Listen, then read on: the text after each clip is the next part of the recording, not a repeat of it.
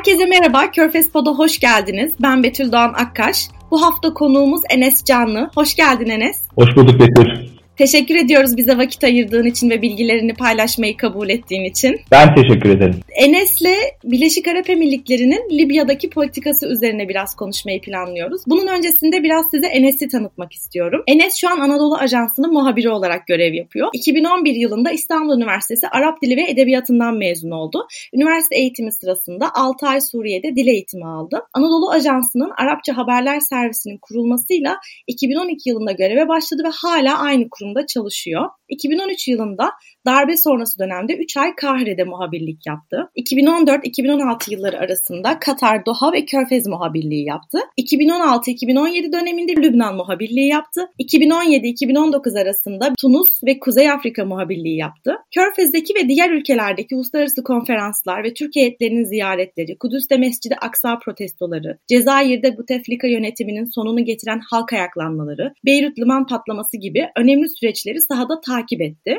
ve en son 2020 yılında Libya'da savaş muhabirliği yaptı. Ben tahmin ediyorum pek çoğunuz Enes'i bu dönemde televizyonda görmüşsünüzdür ya da eğer Twitter takip ediyorsanız onun bölgeden an be an paylaştığı içerikleri denk geldiğinizi düşünüyorum. Enes Arapçasının yanı sıra ana dil seviyesinde İngilizce de biliyor ve basın okuru düzeyinde de Fransızcaya hakim. Enes'i tanıttıktan sonra ilk sorumuza geçebiliriz diye düşünüyorum. Seni aslında ben Doha'dan tanıyorum. Doha'da muhabir olduğun sürede denk gelmiştik birbirimize ama Libya'daki gelişmelerle aslında alandan aktardığın bilgileri hem kendi çalışmalarımda kullandım hem de hep insanlara anlattığım şeyler senin aktardığın bilgiler oldu.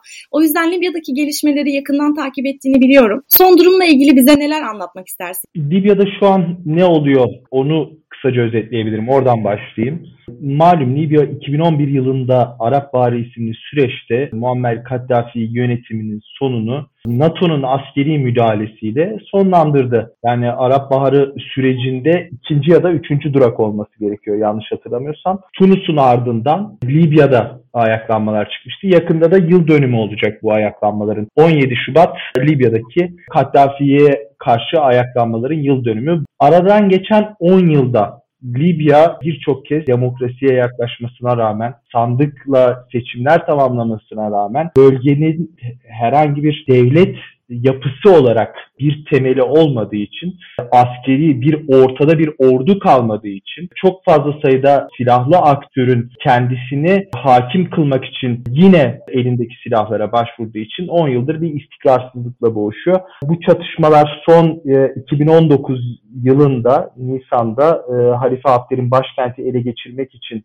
silah zoruyla ele geçirmek için yaptığı girişimde Nisan 2019'da başlattığı saldırının ardından ülke daha yeni bir şiddet sarmalına girdi ve daha yoğunluklu bir şiddet sarmalına girdi.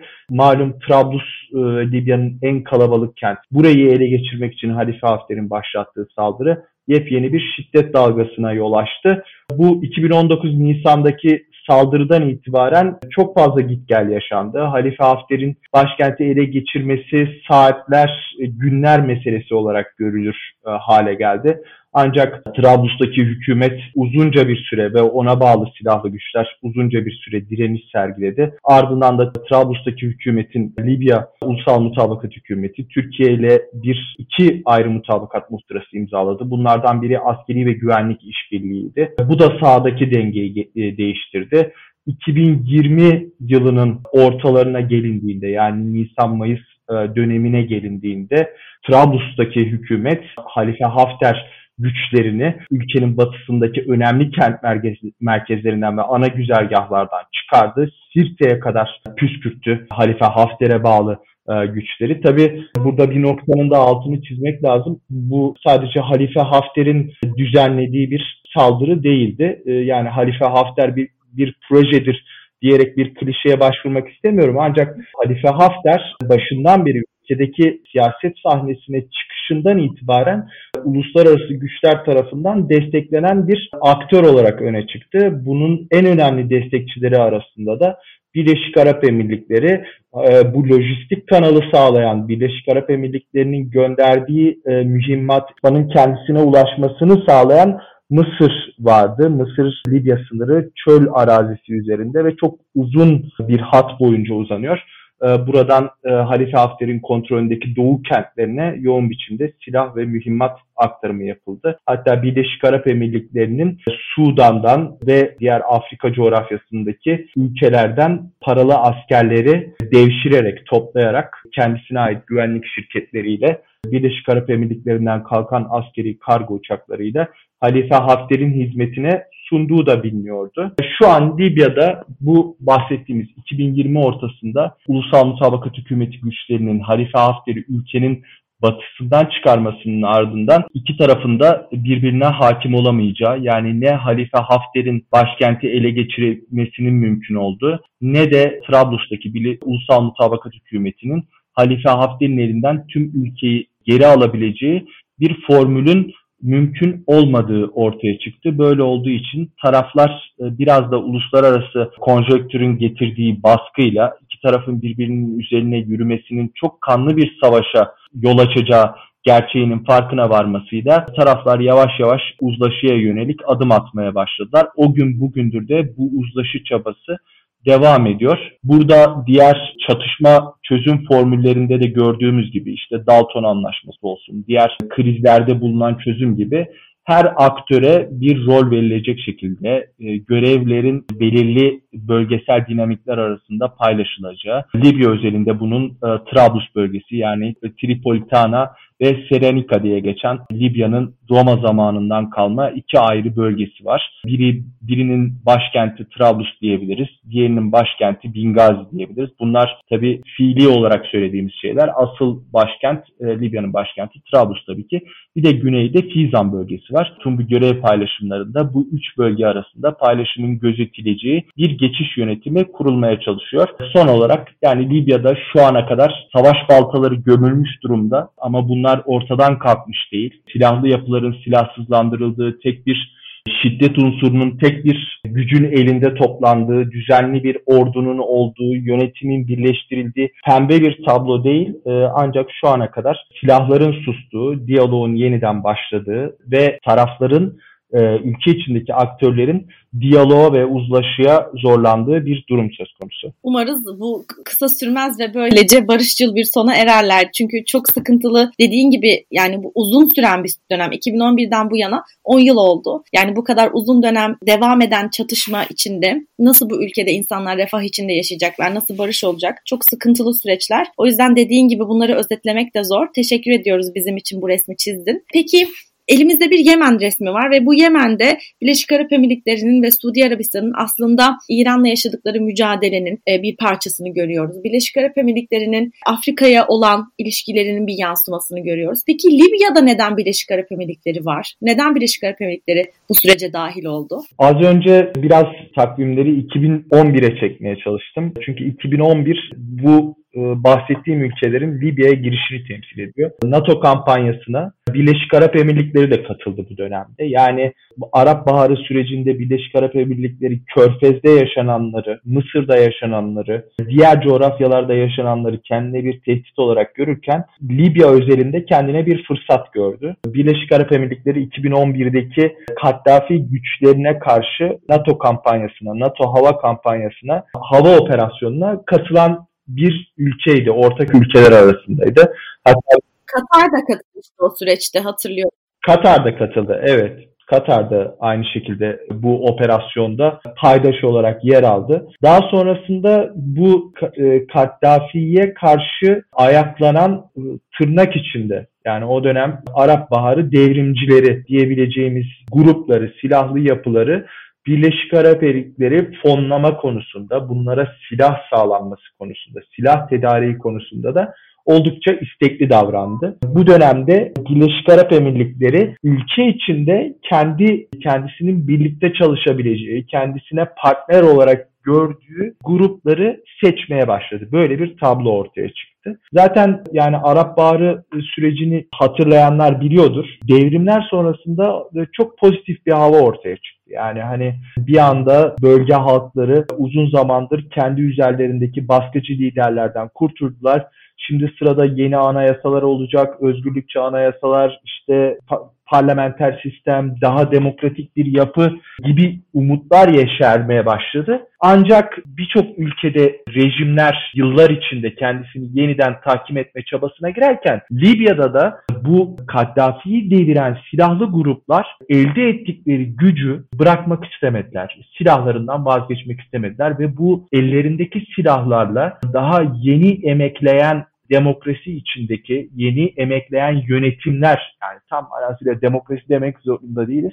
Ancak yeni göreve başlayan bu yönetimleri e, sürekli silahlarıyla baskı altına aldılar. Başkentte sokak savaşları, işte devletin silahsızlandırma çabaları sonuçsuz kaldı. Bu silahlı grupları yek bir düzenli orduya katma çabası, bir güvenlik reformu yine çok e, akamete uğradı. Tabii Libya'nın kendi özelinde geçtiği birkaç dönüm noktası var. İşte Mısır'a yakın olması hasebiyle Mısır'daki askeri darbe Libya açısından ben yani birebir tanığı olduğum için 2013 yılında askeri darbe döneminde Libya'da bulunduğum için gerçekten Arap Baharı açısından bana göre çok önemli bir kırılma noktasıdır. Çünkü Mısır gerek yani Arap coğrafyasının en büyük nüfusa sahip ülkesi ancak bir karşı devrimin, bir karşı hareketin yani bu Arap Baharı'nda yapılan devrimlere yönelik tam bir karşı devrim, güçlü bir karşı devrim hamlesiydi. Libya Mısır'a yakın olduğu için de burada esen rüzgardan rahatlıkla etkilendi. Böyle bir tablo ortaya çıktı ki Halife Hafter 2014 yılında ilk askeri darbe girişimini Libya içinde kendisinin şu ana kadar sanırım ben sayımı kaybettim. Sanırım bir 4 ya da 6 kadar askeri darbe girişimi var. Yani teknik olarak hepsi tabii hiç kimse çıkıp kameralar karşısına geçip hani ben askeri darbe yapıyorum demiyor ama yönetime el koyuyorum artık e, meclis anayasal değildir dediğinizde bu e, baktığınızda sözlükte ne demek istiyorsunuz diye bakıldığında bu aşağı yukarı bir askeri darbeye denk geliyor. 2014 yılında ilk e, TV askeri darbesini o yılda yaptı.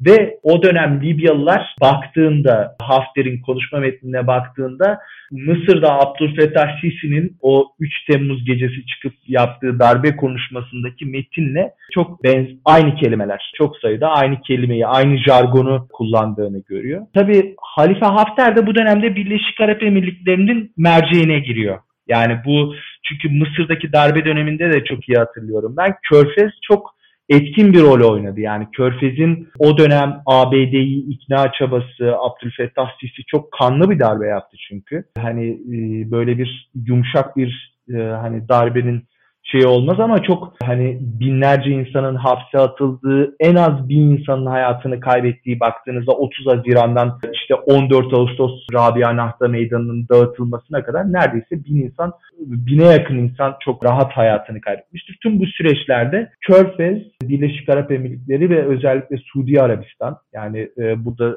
sadece Birleşik Arap Emirlikleri de değil. Hatta o dönem Kuveyt'te belki de Suud'un Suud'un da yanına çağırmasıyla çok yoğun bir şekilde Abdülfettah Sisi adına Washington'da lobi faaliyetleri yaptılar. Hatta o dönem İsrailleri de kendilerini Sisi'nin kendileri için daha iyi olduğunu ikna etme yönünde çabaları olduğu biliniyor. Böyle bir e, atmosfer vardı. 2014'te Hafter sahneye çıktı.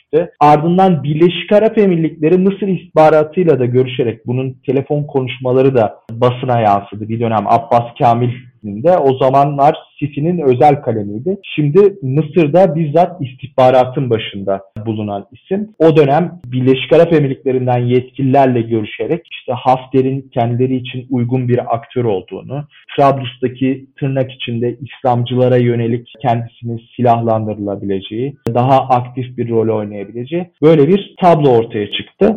Genel olarak şu resmi görüyoruz yani Birleşik Arap Emirlikleri Arap Baharı sonrası süreçte bölge için daha aktif, askeri müdahaleye açık, siyasi müdahaleye açık ve politikaları bir noktada kendi ulusal güvenliği ve bölgede artan gücünü temsil edecek şekilde yapmaya çalıştığı o politikaya Libya'yı da bir şekilde entegre etmeye çalıştı ve yer yerde bunu başardığını görebiliyoruz o zaman. Özellikle bu askeri müdahale, siyasi müdahale noktasında. Sana şunu sormak istiyorum. Sence Libya üzerinden Suudi Arabistan'la ayrıştıkları bir nokta var mı? Katar'la ayrıştıkları bir nokta var çünkü Katar Kaddafi devrilmesi sürecinde NATO operasyonuna katıldı ama ondan sonra sahada askeri olarak bulunmadı. Ve şu anda da Türkiye'nin desteklediği konumu destekliyor gibi bir imaj çiziyor medyada. Sence Birleşik Arap Emirlikleri ve Suudi Arabistan Yemen'de yaşadıkları ayrılığa benzer bir şekilde Libya'da bir ayrılık yaşıyorlar mı? Yemen durumu Suudi Arabistan ve Birleşik Arap Emirlikleri açısından çok ilginç bir hal aldı. Ben Yemen Savaşı başladığı sırada Katar'daydım. Çok iyi hatırlıyorum o dönemi. Yani işte Husilerin Sana'ya ilk yürüyüşü, Kral e, Abdullah'ın e, hayatını kaybetmesi, Kral Selman'ın tahta geçişi, bir gecede işte Suud kraliyet ailesinde görevlerin yeniden dağıtılması, MBS'nin hızla yükselişi vesaire. Ama aradan herhalde 5 yıl oluyor. 2015 Mart mıydı yanlış hatırlamıyorsam? Evet, 2015. 2015 Mart'ta başladı. Aradan geçen 5 yılda kendi alt küme iç savaşları haline geldi ve bu iç savaşlarda ne ilginçtir ki Birleşik Arap Emirlikleri ve Suudi Arabistan farklı aktörler üzerinden namlularını birbirlerine çevirmiş vaziyette kendilerini buldular. Ama Suud mesela Suud Libya özeline geldiğinizde Libya'da daha aktif bir rolü yok. Birleşik Arap Emirlikleri ise çatışmanın en ön safında. Yani Birleşik Arap Emirlikleri Hafter'in en önde gelen destekçileri dediğinizde Birleşik Arap Emirlikleri mali, siyasi, diplomatik, e, askeri, silah tüm bu anlamlarda e, Hafter'in en önde gelen destekçileri. Şu ana kadar bütün bahislerini Hafter ve onunla aynı siyasi yelpazede o Hafter'i askeri olarak sahada görüyorsak onunla aynı siyasi yelpazede saf tutan isimlerin yanında yer alıyoruz. Suud ise daha ziyade e, odağını Yemen zaten oldukça büyük bir kan kaybına yol açtı Suud açısından. Gerçekten tam bir bataklığa dönüştü. Bir dönem Nasır'ın Vietnam'ı diye adlandırılan Yemen şimdi Suud'un e, bir yerde modern Vietnam'ına dönüştü. Ve de yani Suud'un e, Körfez içinde de bir numaralı oda asıl kendi dikkatini o radarını sürekli açık tuttuğu alan İran. İran'la ilgili bir eğer ki İran'ın müdahil olduğu bir tablo ortaya çıksaydı e, Libya'da belki Suud'u da daha aktif bir şekilde görebilirdik ama Suud o coğrafyadaki maceraları, o coğrafyadaki nüfuz etki alanını Birleşik Arap Emirlikleri'ne bırakmış durumda. Birleşik Arap Emirlikleri'nin güttüğü politikada genel o büyük vizyon çerçevesinde yani o büyük bakışta e, Suud'la da çatışmıyor. Yani bölgede İslamcıların daha tırnak içinde İslamcıların aradan geçen 10 yılda yani bunda çok e, bir parantez içi belirteyim. Aradan geçen 10 yılda ne Libya'da ne Suriye'de ne de başka bir yerde artık o İslamcılar ve onların karşısındaki gruplar gibi bir mücadele de kalmadı artık. Saflar yeniden alt kümeler halinde yeniden oluşmaya başladı. Tavırlar çok önceden tutuldu. Şimdi artık bu o oluşan bloklar arasındaki bir savaş. Kimisinin içinde İslamcılar da olabilir, kimisinin içinde daha seküler aktörler de olabilir. Ee, ama o ayrışma çok önceden oluştu başladığım yerden o kadar farklı bir yere geldi ki yani işin içine İsrail'le normalleşme girdi, Türkiye ile yaşanan gerginlikler, evet. krizi, Yemen savaşı gerçekten aynı çerçeve içinde görüp neyin nereye gittiğini söylemek çok kolay değil. Haklısın. Betül şuradan örnek vereyim. Şimdi ben Lübnan Savaşı olmuş bitmiş. Orayı okuyarak kendime çok şaşırdığım şeyler var. Lübnan Savaşı nasıl çıkıyor? İşte çok sayıda Filistinli Kara Eylül olayıyla Ürdün'den çıkıp Lübnan'a geliyorlar. Lübnan içinden İsrail'e saldırma fırsatı elde ediyorlar. İsrail'in kuzeyinden saldırı düzenleyebiliyorlar. İşte bu Filistinliler burada olduğu için İsrail güneyden bir bölüm e, toprak alıyor. Bunlar şeye geliyorlar. Filistin kampları içinde de içeride de çok yoğun bir silahlanma faaliyetine giriyorlar. Buna karşın Hristiyanlarla savaşmaya başlıyor. Yani savaş Lübnan İç Savaşı Filistinler ve Lübnan Hristiyanları diye başlıyor. Ya 15 yıl sürüyor bu iç savaş ve öyle yani gerçekten trajikomik yani hani komik demek çok yanlış olur belki ama 15 yıl sonunda Filistinlilerin Filistinlerle savaştığı yani birbirlerine bombalı suikast düzenlediği intihar saldırılarının olduğu, Hristiyanların Hristiyanlarla savaştığı, iç savaşa müdahil olan Suriye'nin Hristiyanları korumak için e, başka bir Hristiyan generali Cumhurbaşkanlığı sarayından çıkarmak için bombaladığı. Yani böyle çok 15 yıl içinde herkes ki savaşa niçin başladığını unutuyor. İttifaklar değişiyor. Silahlar insanların kafasını bulandırıyor. Yani o kadar çok şey güç mücadelesi içinde aynı safı tuttuğun insanla daha önemli bir mücadelen olduğuna e, dönüyor iş.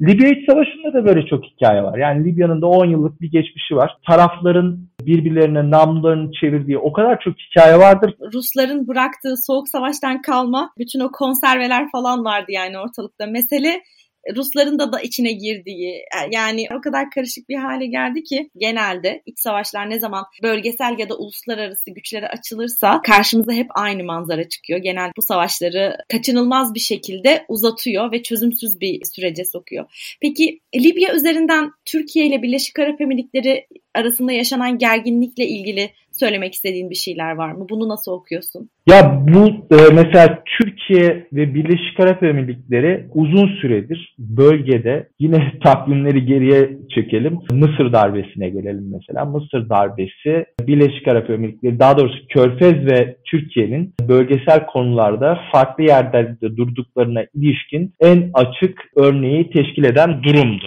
Yani Suriye'de de farklı aktörleri desteklediler ama bunları böyle bir e, basın önünden, kamuoyu önünde birbirlerine mesaj gönderdiği bir tablo yoktu. Mısır'da başladı ve bunun zirveye çıktığı yer neresi derseniz yani bence bunun işte Katar krizi yine Katar'ın malum o e, ambargo krizi vardır 2017 yılında. Burada da Türkiye çok açık bir şekilde kendisini öne çıkardı. Yani bölgesel müttefiğine çok hızlı bir şekilde desteğini açıkladı. Gerekirse bir askeri üsse takviye yaptığını açıkladı. Bunlar semboliktir ancak böylesine Katar'ın maksimum baskı yani o Trump yönetiminin İran'a karşı kullandığı tabirle Katar gibi küçük bir şehir ülkesine, şehir devletine uygulanan baskı düşünüldüğünde o dönemde de çok aktif bir şekilde Türkiye'nin rolü öne çıkmıştı ve Körfez'le karşı karşıya gelmişti. Ancak iki tarafın birbirlerinin desteklediği taraflar üzerinden sıcak çatışmayla karşı karşıya geldiği yer işte bu gerçekten Libya. Çünkü Birleşik Arap Emirlikleri işte Çin'den sağladığı dronlar, aynı zamanda getirdiği sofistike silahlar, radar sistemleri, jammer sistemleri bir sürü ileri teknoloji, savaş malzemeleri bunları getirdi. Aynı zamanda bu hava savunma sistemlerinin önemli bir kısmı Birleşik Arap Emirlikleri'ne ait subaylar ve teknik personel tarafından yürütülüyordu. Yani sahada bir fiil e, kendisinin El Hadim diye bir üssü var e, ülkenin doğusunda Bingazi yakınlarında. El Hadim diye bir hava üssü var. Burada Rafael tipi uçakları var. Fransız yapımı uçakları var. Belirli tipte helikopterleri var. Bunlar yine Birleşik Arap Emirlikleri tarafından e, yönetiliyor, takip ediliyor, sağlanıyor böyle aktif bulunduğu bir rol vardı. Öte yandan Türkiye'de yani Türkiye'nin ben gerçek anlamda Libya'daki savaşın en ağır olduğu dönemde yani Türkiye ile Libya arasındaki askeri ve güvenlik mutabakat muhtırası Kasım 2019'da imzalandı. Eylül'den itibaren Wagner güçlerinin Trablus'un güneyindeki cephe hatlarındaki varlığı giderek aşikar olmaya başladı. Bunu nasıl anlıyoruz? E, cephedeki Ulusal Mutabakat Hükümeti'ne bağlı güçler sürekli e, yeni ekipmanlara sahip. Gece görüşü, gelişmiş nişancı dürbünleri, bunları bulunan askerlerin cepheye geldiğini ve gece yarısı sızma harekatı yeni taktiksel becerilerle hareket ettiklerini söylüyorlar. Ardından e, sağlık yetkilileri bu cephe hattına sağlık desteği sağlayan Sahra Hastanesi çalışanları diyorlar ki daha önceden yaralanmalar işte bacağı kurşun sıyırdı, kolu kurşun sıyırdı veya şarapnel yarası gibi yaralarla karşılaşıyorduk. Ancak şimdi bize gelen yaralar Eylül ayından itibaren hep göğüs kafesi ve yukarısı ölüm bölgesi. Yani direkt keskin nişancıların vurduğu şeyler geliyordu diyor. Bunlar Wagner'in de finansmanının yani Wagner'in ödemelerinin Birleşik Arap Emirlikleri tarafından yapıldığına yönelik iddialar var yani. Burada dinleyicilerimize ufak bir not verebiliriz belki. Bu aslında maalesef sık sık gündeme geliyor Birleşik Arap Emirlikleri üzerinden. Şeyle ilgili de sen söylemiştin ya Sudanlı çocukların askerlerin getirilmesi Libya'ya. Evet. Onunla ilgili biraz haber yakaladım ben. Şunu gördüm. Aslında bu çocuklara güvenlik görevlisi olacağı olacakları söylenmiş. Onlar da Körfez'de güvenlik görevlisi olan çok hani Sudanlı vardır. Sen de denk gelmişsindir. Evet tabii. O yüzden hani bunu temiz para, nakit para diye gördükleri için hemen yani katılıyorlar bu şirketin teklifine. Fakat Dubai'ye gittiklerinde bir aylık çok ağır bir askeri eğitim alıyorlar. Ama aslında bu askeri eğitim bir güvenlik görevlisi için ağır olsa da sahada çatışacak bir asker için asla değil. O yüzden çok fazla can kaybı yaşanıyor ve aileler çok şikayetçi oluyorlar Birleşik Arap Emirlikleri'ne. Araya hükümet güçlerini falan sokmaya çalışıyorlar. Birleşik Arap Emirlikleri maaşlarını yine de ödüyor askerlerin. Ailelerine böyle e, bir takım geri ödemelerde falan bulunuyor. Ama ben daha önce bununla ilgili de ufak bir e, konuşmaya katılmıştım. Hatta senden de yardım istemiştim içerik olarak. Birleşik Arap Emirlikleri'nin bir dönem sonra bu savaş suçlarıyla ilgili uluslararası mahkemede sıkıntı yaşayabileceğini düşünüyorum. Çünkü bu çocukların aileleri bunları bir şekilde ulaştırabilirlerse evet. imzaladıkları evraklarda güvenlik görevlisi yazıyor çünkü. Ben evrakları gördüm e, yazdıkları web sitesinde. Aynı şey bu Wagner için vesaire de geçerli yani. Bu işin sonunda yani ne kadar biz bunu bir noktada realist olarak askeri başarı gibi görsek de yani tanımlayabiliriz bu şekilde. Sahada bu kadar küçük bir devletin aktif olmasını. Diğer bir yandan uzun vadede bütün bu çalışmalar, bütün bu girişimler acaba bu küçük devletin 10-15 yıl sonraki politikalarına nasıl etki edecek? Kesinlikle uluslararası manada zor duruma sokacağını düşünüyorum Birleşik Arap Emirlikleri'ne. Ee, muhakkak yani Libya'da da çok böyle birkaç karanlık şeyi var. Uzun vadede canını sıkabileceği hadise var. Bu Sudan özelinde de en önemli şey şimdi Wagner'le bir kurumsal yapı üzerinden gidiyor ve bir üçüncü şirket var. Bir Wagner güvenlik şirketi bir yapı var. Bu Kremlin'e yakın işte şef lakabıyla tanınıyor. Kremlin'in catering işini, yemek işini yaptığı için şef lakabıyla tanınıyor. Şimdi burada bir tırnak içinde kurumsal bir yapı, bir üçüncü taşeron firma var. Ama Sudan'la ilgili özelde sıkıntı şu. Kendisi Black Shield diye bir firma kuruyor. O firma üzerinden güvenlik görevlisi evet. diye insanları işe alıyor. Ama buradaki kurbanlar hep bireyler. Yani o bireyler, o şahıslar uzun vadede dediğim gibi e, Birleşik Arap Emirlikleri'nin savaş suçları yani insanları paralı asker olarak alması, reşit olmayanları e, alması veya insanların tam bilgilendirmeden hani rızası tam manasıyla alınmadan böyle bir üçüncü çatışmaya taşıması, bir Sudanlı'nın Libya'da olması yeterince açıklanması zor bir durum. Bunun gibi aynı şekilde Birleşik Arap Emirlikleri'ne ait savaş uçaklarının düzenlediği bir göçmen saldırısı var. Tecura bölgesinde, başkentin hemen 20 kilometre kadar e, doğusunda olması lazım. 20 kilometre kadar açığında bir göçmen barınağına lazer güdümlü bir füze ile vuruldu bu göçmen barınağı e, ve bunu ateşleyen uçak sadece RAF tipinde e, Birleşik Arap Emirlikleri'nin envanterinde bulunan ve Hadim üstünde sabit olarak duran bir uçağa ait olduğu ortaya çıktı ki bu Birleşmiş Milletler raporlarına da yansıdı.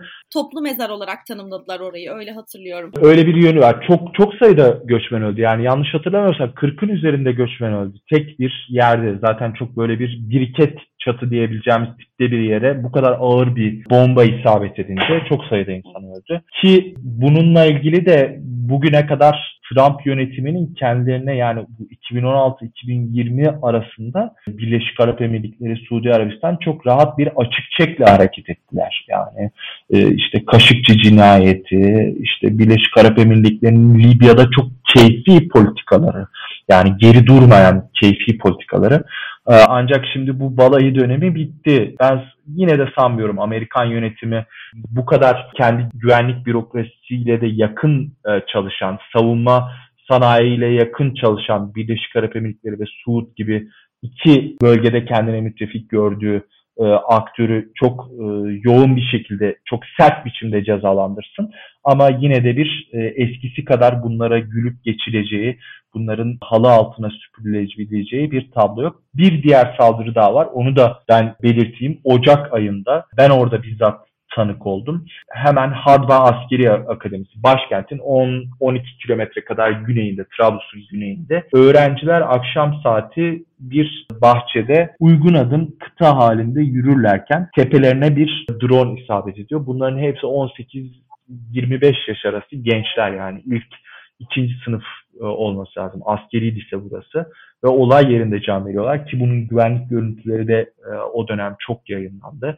Ben o olayın ardından hemen hastaneye gitmiştim. Hastanedeki manzarayı, tabloyu da biliyorum. Çok acı bir saldırıydı. Bunun da BBC bir araştırma yaptı. Zaten o dönemde de Birleşmiş Milletler'in Libya özel temsilciliğini yapan Gassan Selame açıkça söylemişti. Bu Hafter'in destekçisi ülkeye ait drone tarafından ateşlendi dedi. Burada evet. Birleşik Arap Emirlikleri'nin Çin'den aldığı Wing Lung tipi e, dronlar çok açıkça öne çıkıyor. Şimdi bu Türkiye örneğine de gelecek olursak buradan da çok kısa buraya döneyim. Aynı dediğim gibi bu dönemde ben Libya'ya gitmiştim. Kasım'da iki ülke arasındaki Türkiye ve Libya arasındaki mutabakat muhtırası imzalandı. Ben Ocak'ta oraya gittiğimde Hafter güçleri yani Hafter ve beraberindeki güçler yani tüm o bahsettiğimiz konsorsiyum işte Wagner var, Sudanlı paralı askerler var. Bir yandan Birleşik Arap Emirlikleri'nin dronları havada uçuyor. Başkente 12 kilometre, 10 kilometre gibi bir mesafe kalmıştı. Yani bu kadar yakınındaydılar. Kaldığımız yerin terasından baktığımızda geceleri böyle e, atılan mühimmatların, işte ateşlenen mermilerin, ağır mühimmatların ışıklarını görebiliyorduk. Geceleri dronların ışıklarını görebiliyorduk uçuşan. Böyle bir tablo vardı. Türkiye 2 Ocak'ta meclisi olağanüstü toplayıp hemen asker gönderme tezkeresini çıkardı. Ardından askeri danışmanlar gitti. Bir anda çatışmalar ateşlendi. Rusya ile bir geçici ateşkes sağladı ve Türkiye ile Libya ilk defa karşı aktörler tarafından bu kadar keskin çizilmiş biçimde bir sıcak çatışmada kendilerini iki ayrı cephe hattında buldular. Yani Türkiye ve Birleşik Arap Emirlikleri arasındaki bölgesel rekabetin diyebiliriz. Bölgesel anlaşmazlığın en hat safhaya çıktığı tablo bence Libya oldu. Yani benim daha önceden hatırlayabildiğim yok. Dediğim gibi Katar krizinde de Türkiye hep e, Katar'ı destekleyen mesajlar verdi ama buna rağmen Katar'a ambargo uygulayan cepheye bu kadar açıktan bir tavır almadı, tutum sergilemedi. Ama artık Libya'da iki tarafta çok sık karşı karşıya gelmeye başladı. İki tarafta birbirine çok yoğun bir şekilde medya kampanyası yürütmeye başladı. Yani zaten e, hepimiz takip ettik bunu. Ve iki tarafında yetkililerinin ağzından direkt diğer ülkeyi açıkça zikreden ifadeleri bu dönemde rastladık. Şimdi belki işte Katar kriziyle yeni bir sayfa açılması umudu var. Sence yeni bir sayfa açar mı bu durumda? Yani Birleşik Arap Emirlikleri'nin Libya'daki rolünde ya da Türkiye ile bu noktada yaşadığı gerginlikte. Yani Körfez krizinin bir şekilde daha ılımlı bir havaya evrilmesi Birleşik Arap Emirlikleri'nin rolünü biraz yumuşatır mı sence? Bence konuşmak için erken. Yani Birleşik Arap Emirlikleri özellikle Trump gelseydi belki daha mutlu olur muydu? Evet bence daha mutlu olurlardı. Ben şu konuda Robert F. Worth diye bir şey var, yazar var. Körfez'de çok yazar belki takip ediyorsunuzdur. Onun Muhammed Bin Zayed ile ilgili çok geniş bir profili var yazdığı. Kendisiyle Muhammed Bin Zayed ile de yaptığı röportajlara dayanan bir profili var. Burada 2014 yılındaki ABD'nin İran'la olan e, nükleer anlaşmasının Birleşik Arap Emirlikleri açısından bardağı taşıran damla, kendileri için bir uyanış teşkil ettiğini iddia ediyor. Ki zaten baktığımızda da bölgedeki birçok fevri çıkış yani işte Yemen Savaşı olsun efendime söyleyeyim Birleşik Arap Emirlikleri'nin bölgesel maceralarında daha istekli davranmaya başlayışı tüm bunların hepsinde bunu mi, milat olarak gösteriyor. Yani daha Sparta gibi bir savaşçı ülke, daha tüm e, işte bireylerin tıpkı İsrail gibi hani tüm nüfusun askere alındığı, daha savaşa hazır, güvenliği önceleyen bir dış politika odağına kaydığını görüyoruz. Şimdi Katar'la aşılan kriz biraz daha Suud'un öncülüğünü yaptı. Birleşik Arap Emirlikleri'nin de mecburen katıldığı bir tablo ortaya koyuyor. Bölgesel bir yumuşama aslında Birleşik Arap Emirlikleri de bir yerde ihtiyaç duyuyor. Çünkü e, dediğim gibi Biden'la daha zor bir döneme girecekler. Bölgesel anlamda hele ki İran'la anlaşma gelirse daha da sıkışacağı bir dönem geliyor. E, Türkiye açısından da bakıldığında Türkiye de bu bölgesel çekişmenin yıprattığı ve yorgunlaştırdığı bir manzara var dış politika anlamında. Dış bölgelerde çok fazla çatışma sahası var. İşte Suriye önemli bir güvenlik sorunu teşkil ediyor e, uzun vadede. Tam manasıyla çözüme kavuşmuş değil. Libya'da bir çözüm yine Türkiye'nin de istediği ve işine yarayacak tablo ortaya çıkartır. Ama bunun bunun miladı Katar'daki Körfez'deki krizin aşılmasıyla mı olur? Yoksa ileride yeni iyi niyet adımlarına ihtiyaç duyulur mu? Bunu zaman gösterecek. Evet umuyoruz bu noktada da yine iyimser kalmak istemiyorum ama umarım gerçek bir zeminde gerçek bir muhatap bulur her iki tarafta ve böylece kendi halkları için ve işte devletlerinin politikaları için daha iyi bir sürece evrilirler diye umuyoruz. Eklemek istediğim bir şey var mı? Benim sorularım bu kadar. Libya ve Birleşik Arap Emirlikleri özelinde birçok bir noktaya değindik. Çok kısa bir zaman, çok fazla da şey var. Biraz böyle bölgeyle ilgili bu kadar geniş biz haberciler hep e, sonu vermeye çalışırız. En son ne oldu? Zaten biraz da okurumuzun da bugüne kadar olanları bildiğini varsayarak ilerler. Öyle olduğu için böyle geniş kapsamlı konuşmaya çalıştığımızda da biraz şişe ağzı durumu yaşıyoruz. Birçok o geçmişte yaşanan gelişmelerin, birbirleriyle olan ilişkilerin bir boğumdan geçmeye çalıştığı bir hal alıyoruz. Dediğim gibi genel itibariyle hepsini, çok noktayı, hepsi değil birçok noktaya değinmiş olduk. Sadece şu senin mailinde karşılaştığım güzel bir ifade var. Ee, o çok hoşuma gitti. Onu paylaşıyorum. Orta Doğu'da her şey her şeyle ilişkilidir. Ee, evet. Hakikaten bu çok güzel bir ifade. Ben de bu uzun yıllardır Körfez'le olan bağıma kısaca değineyim. Gönderdiğim notlarda vardı. Hakikaten Körfez 2014-2016 e, yılında Körfez'de bulunduktan sonra iyice Katar'da bulunduktan sonra aşina olmaya başladım. Ama dediğim gibi Mısır darbesinde baktığımda yine Körfez vardı. İşte Tunus'a gittim. Arap Baharı sonrası Tunus Çek e, başarı örneği. Buraya bakıyorsunuz Birleşik Arap Emirlikleri orada bir nüfus mücadelesi veriyor. Katar yine bir nüfus mücadelesi veriyor. Farklı aktörler üstünden yine oradalar. Libya var. E, Libya ile ilişkili. Ve bu bahsettiğim ülkelerin hepsi başka yerlerde de başka ilişkiler içindeler. Öyle olduğu için e, Orta Doğu hakikaten bir derya ve bu derya içinde herkesin kuyruğu birbirine değiyor. Bunları çözmek, bu bağları bulmak gerçekten keyif verici. Evet bence de öyle. Ben zaten o yüzden böyle çok kısa konuşabilen birisi değilim. Çok kısa tweetler atamıyorum. Yani çünkü işin doğrularını söylemek istiyorsak eğer karşımızdaki insana ya da bildiklerimizi mutlaka bir arka plan vermemiz gerekiyor. Yani ne zaman böyle kısaca ifade edilmiş ön yargılarla dolu bir söz gördüğümde o yüzden rahatsız oluyorum.